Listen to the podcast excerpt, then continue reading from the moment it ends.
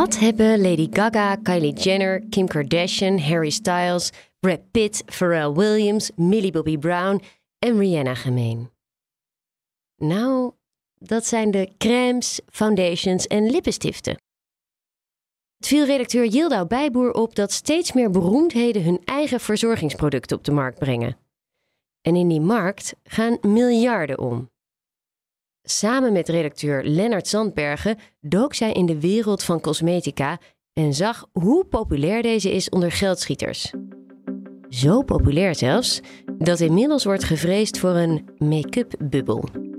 En je hoort over Taylor Swift, die opnieuw record na record weet te breken sinds ze op 22 oktober haar album Midnights uitbracht. Veel van die records had ze trouwens zelf gevestigd. Wat de aantrekkingskracht en de uitgekiende sociale mediastrategie van deze popster is, hoor je van redacteur Julia Cornelissen. Mijn naam is Elfanie Toulaar en dit is De Week Voorbij, de weekendpodcast van het FD. Je hebt Rare Beauty van Selena. Je hebt House van Lady Gaga. Um, Flower van Drew Barrymore. Ik bedoel, de lijst is echt ongelooflijk lang. Het lijkt haast alsof je geen echte ster bent als je geen eigen cosmetica-merk hebt. Beroemdheden zijn steeds vaker ook de marketingmachine van hun eigen lijn. Gelikte tv-commercials met mooie modellen die lippenstift of mascara showen. Ze bestaan nog, maar zijn inmiddels wel hopeloos ouderwets. Want de wereld van de cosmetica is de laatste jaren radicaal veranderd. Toen social media uh, kwam, toen kreeg je al heel snel beauty influencers. Mensen die make-up opdeden, mensen die uit gingen leggen over huidverzorging, hoe je dat eigenlijk zou moeten doen. En die mensen hadden een enorme invloed op consumenten. Dus merken zagen als uh, Nikki Tutorials ons bijvoorbeeld aanprijst, dan verkoopt dat opeens veel meer producten. Alright, of course now we need some black on the waterline. And then taking Slasher from my palette and I'm just gonna smoke that out. Consumenten zijn ook zo gaan kijken van, oh, um, mijn favoriete huidinfluencer, welke merken raadt die aan? Dus wat moet ik dan kopen? En je ziet met de komst van de influencers dat mensen eigenlijk op een andere manier beauty spullen zijn gaan consumeren.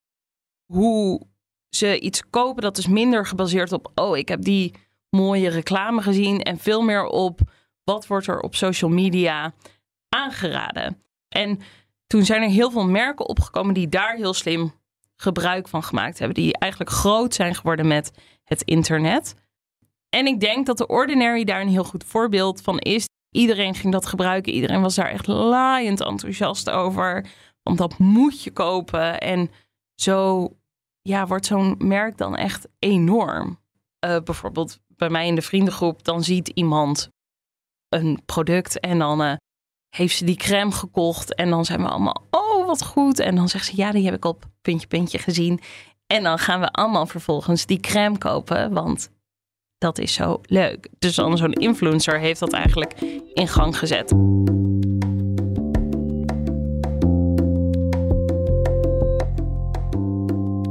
Is wel een generatieding. Waar oudere dames nog altijd graag bij de parfumerie of drogist tussen de producten doorstiefelen en ter plekke kijken wat ze willen gaan kopen. Ik doe dat ook. Gaan jongeren, onder wie dus redacteur Yildau, eerst online op onderzoek uit. Ik had het er met een collega van ons over. Zeg maar, wij kopen niks meer zonder dat we er zelf research naar gedaan hebben. Dus zonder dat we weten wat het internet eigenlijk van iets vindt. Zeg maar, als ik in een Sephora of een Douglas sta en dan denk... Ja, maar ik weet eigenlijk helemaal niet. Ik heb er geen research naar gedaan. Dan ga ik dus niks kopen. Omdat ik gewoon niet weet wat ik zou moeten kopen. En je gelooft die influencer op, uh, op haar mooie ogen. En, uh, ja. Want dat is allemaal echt. Hoop je. Het zijn er talloze. Naast The Ordinary zijn bijvoorbeeld ook Drunk Elephant en Olaplex voorbeelden van merken die dankzij influencer marketing en mond-op-mond reclame hard groeien. Maar wie het succes van zo'n klein hipmerk echt groot maken, dat zijn de beauty incubators. stel je voor, jij hebt een supergoed huidproduct bedacht. En je wil dat graag naar de markt brengen. En je hebt ook nog een beetje een following op het internet. Dan kun je dus naar dat soort incubators toestappen. En wat die gaan doen, is die gaan samen met jou dat product lanceren en in de markt uh, zetten. En zij krijgen dan deels dat product in handen. En jij krijgt deels dat product in handen. En achter heel veel van die merken, bijvoorbeeld achter de Ordinary, zit Dechem. Ik denk dat heel veel mensen ook wel Fenty Beauty van Rihanna kennen. Daar zit Kendo achter, ook een enorm grote incubator. En zo zijn er eigenlijk veel meer merken waar stiekem incubators achter zitten. Die dit soort merken dus naar de markt brengen, lanceren, maar ook zorgen dat ze bij bepaalde warenhuizen verkocht worden. En op die manier dus verschillende merken onder hun hoede hebben. En klanten denken misschien dat zij te maken hebben met een klein uniek merk, maar dat klopt dus meestal niet. Want zoals je hoort, vallen die merkjes dus vaak onder de paraplu van hele grote concerns. En dat is ook wel nodig. Je moet connecties met warenhuizen hebben. Je moet weten hoe je zo'n product goed dermatologisch kan testen. Je moet weten waar je dan de grondstoffen vandaan haalt om het te maken. Hoe je zorgt dat het in de schappen komt bij bijvoorbeeld de Douglas. Dus die incubators doen eigenlijk dat allemaal. En vaak zijn dan de celebrities zijn vooral boegbeeld. Incubators hebben bijvoorbeeld al bedacht of zien al dat er een witte vlek in de markt zit voor bijvoorbeeld meer inclusieve make-up, waar Fenty eigenlijk heel groot mee is geworden. Ja, voor verschillende huidskleuren. Ja, precies. Zij weten, misschien weet Kendo weet al van, hier zit gewoon een enorme, enorm groeipotentieel. Als we een goed product hierin lanceren, dan kunnen we hier heel erg veel geld mee gaan verdienen. Het enige wat ze nog zoeken is een goed boegbeeld. Op het moment dat Rihanna eigenlijk met Kendo tekent en zij samen Fenty naar de markt gaan brengen, hebben ze dat boegbeeld gevonden. En het betekent voor zo'n incubator dat ze minder geld hoeven uit te geven aan bijvoorbeeld reclame. Want Rihanna is je reclame. En voor Rihanna betekent het dat zij gewoon een product in de markt kan zetten zonder dat ze alle moeilijke voorwerk hoeft te doen.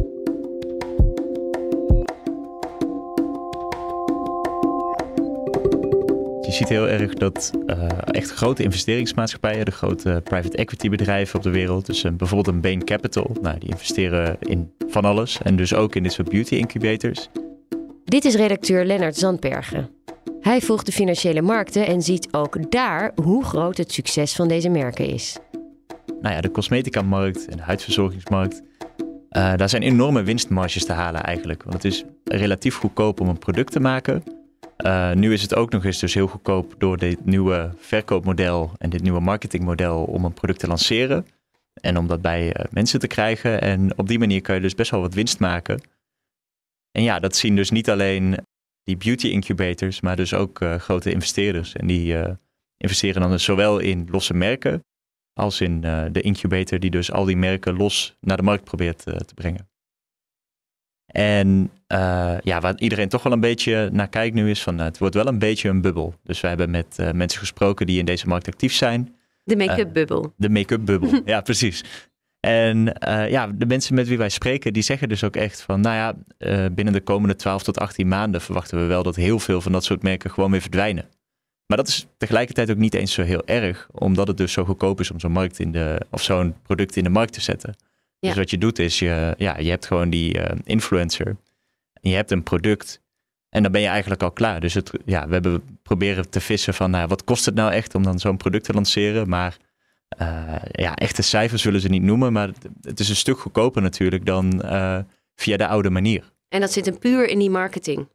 Ja, dat zit puur in de marketing. Want wat er vaak, dat hebben we toch ook wel van mensen in deze markt gehoord, is dat er een recept is voor een bepaalde crème of een bepaalde foundation of wat anders. En dat die eigenlijk voor meerdere, in meerdere merken wordt gebruikt. Dus je hoeft eigenlijk maar één keer alle tests te doen. Uh, je ontwikkelt het gewoon één keer. Nou ja, dan maakt het voor de rest maakt het natuurlijk heel veel uit in wat voor potje het zit. En hoe het eruit ziet. Uh, maar dat deel is niet het duurste deel van het lanceren van een merk. Nee, want een uh, 20-jarige wil een ander potje dan een, dan een 70-jarige. Maar ze kunnen allebei last hebben van een droge huid bijvoorbeeld. Ja, precies. Ja, en wat of gespleten haarpunten. Of gespleten haarpunten. Of allerlei andere dingen. Ja, ja, je kan het zo gek niet bedenken. En daarbij is het, en dat is denk ik wel ook eh, hier best wel een voordeel aan, aan dit, aan dit nieuwe systeem, is dat, je, eh, dat het ook wat makkelijker is om dus voor eh, bijvoorbeeld voor minderheden, nou ja, bijvoorbeeld een foundation die perfect bij jouw huidskleur past. Ja, vroeger was het voor die grote merken gewoon niet zo rendabel om dat te doen.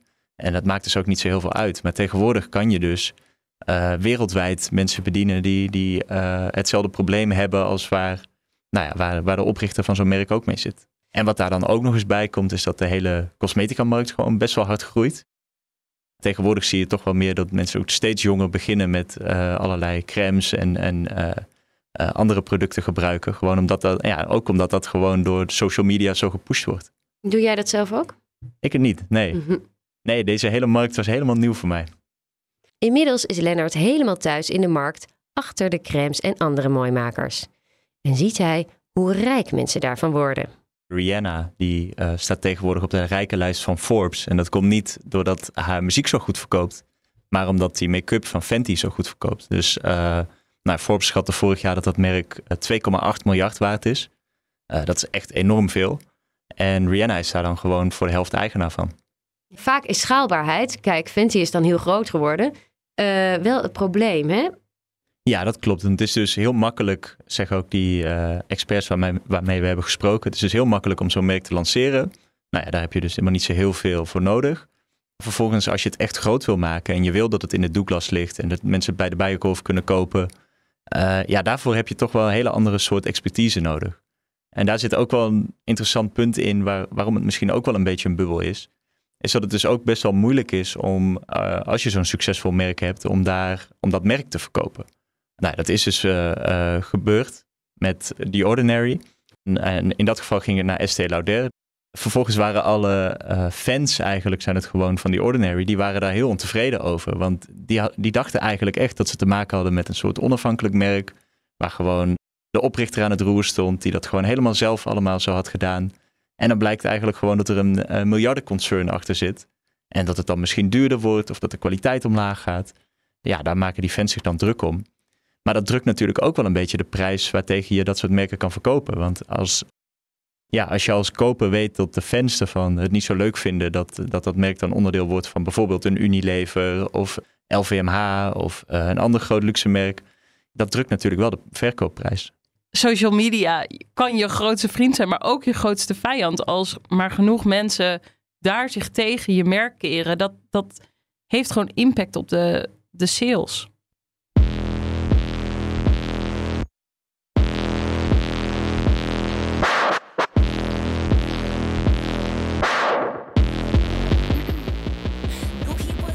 De dagen waarin je als superster in een paar weken tijd met gemak een miljoen platen verkocht, zijn voorbij. Dat is iets van vroeger, toen Spotify nog niet bestond en een CD-koper normaal was. Tot afgelopen week.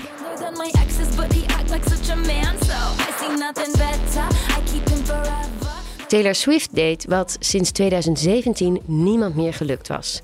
Ze verkocht in drie dagen tijd 1,2 miljoen albums. Daarmee was ze de eerste artiest die dat lukte sinds Taylor Swift. Midnights is het tiende album van de zangeres. En redacteur Julia Cornelissen heeft het sinds vorige week uitkwam op repeat staan. Ja, ik vond het goed. Ja, het is heel anders weer dan haar, eh, dan haar vorige albums. Maar er staat Taylor Swift ook wel onbekend. Dat ze heel onvoorspelbaar is en ieder album weer een andere stijl heeft. Ja. En dat is dit keer ook weer het geval, denk ik. Dat uitgerekend Swift haar eigen record verbreekt, is niet gek.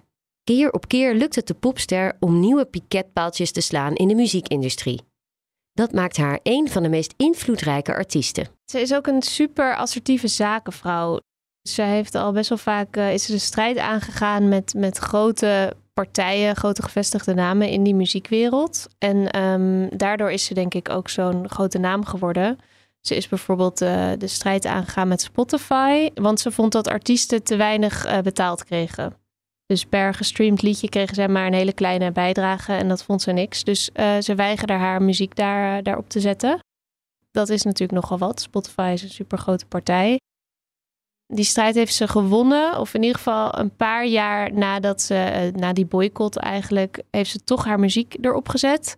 En ehm, ook met haar nieuwe platenlabel af weten te spreken dat eh, artiesten, dus niet alleen zijzelf, maar alle artiesten bij het label, een deel eh, van de winst uit Spotify-aandelen kregen uitbetaald. Every conquest I had made would make me more of a boss to you. Dat die assertieve houding haar lang niet altijd de leukste reacties oplevert, bezingt ze in het nummer The Man. What's that like? I'm so sick of running as fast as I can. Wondering if I'd get there quicker if I was a man. And I'm so sick of them coming at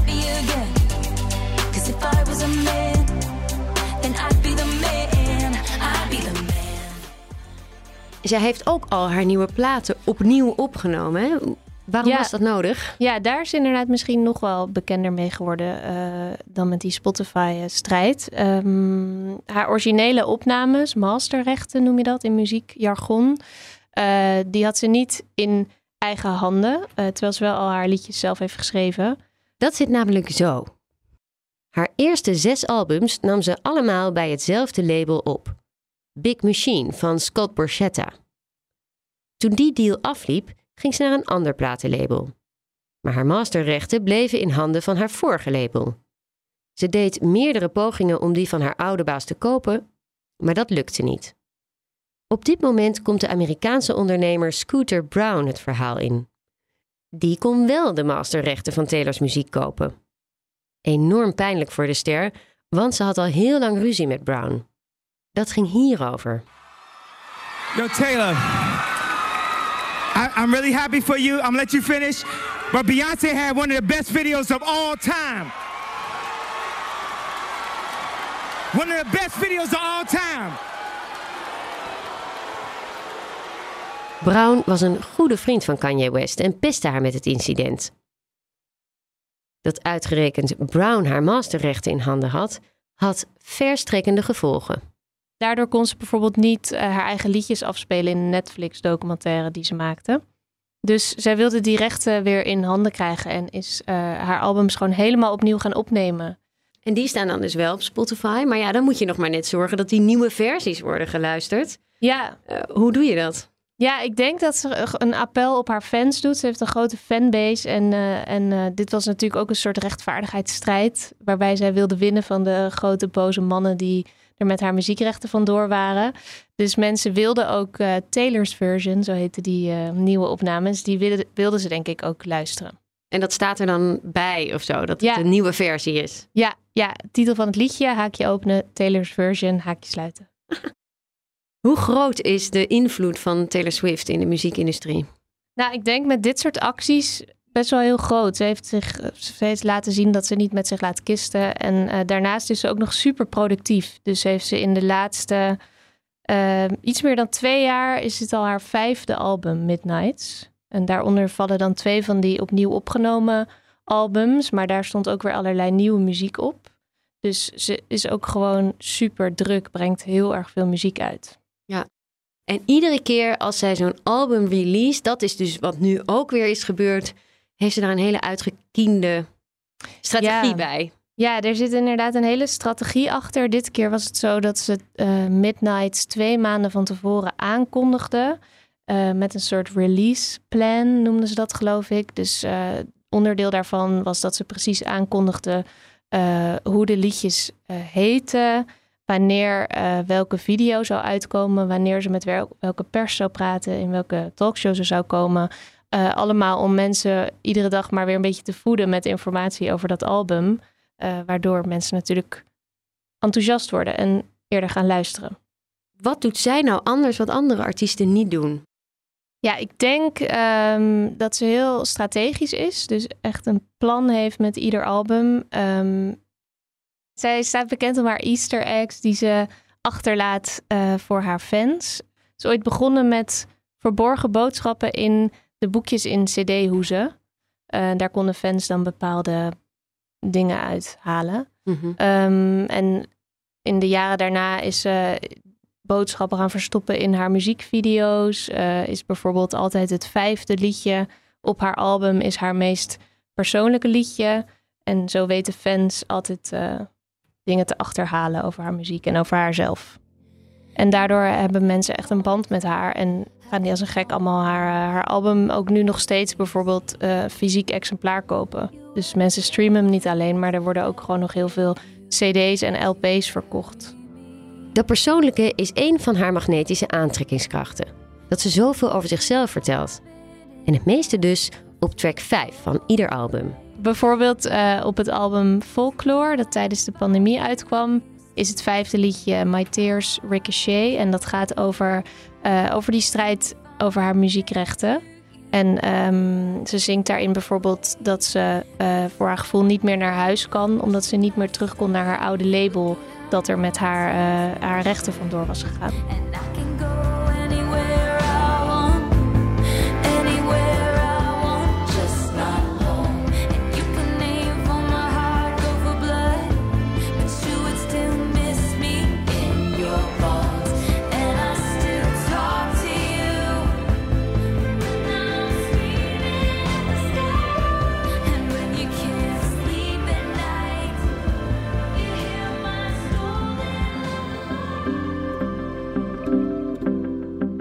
Dat was hem voor deze week. Dankjewel voor het luisteren. Als je deze podcast leuk vindt, abonneer je dan vooral. Dat kun je doen door te zoeken op FD de Week voorbij, waar je dan ook podcast luistert. En delen met je vrienden. Dat helpt ons weer om beter gevonden te worden. Volgende week gaan we het hebben over de midtermverkiezingen in Amerika. Dus luister dan vooral weer. En wil je reageren? Dat kan natuurlijk. Stuur een mail naar podcast.fd.nl en mij kun je ook vinden op Twitter, Elfanie. De redactie van deze podcast is in handen van Yilda Bijboer. En de muziek komt van Visionair Ordinaire. Een heel fijn weekend en tot volgende week.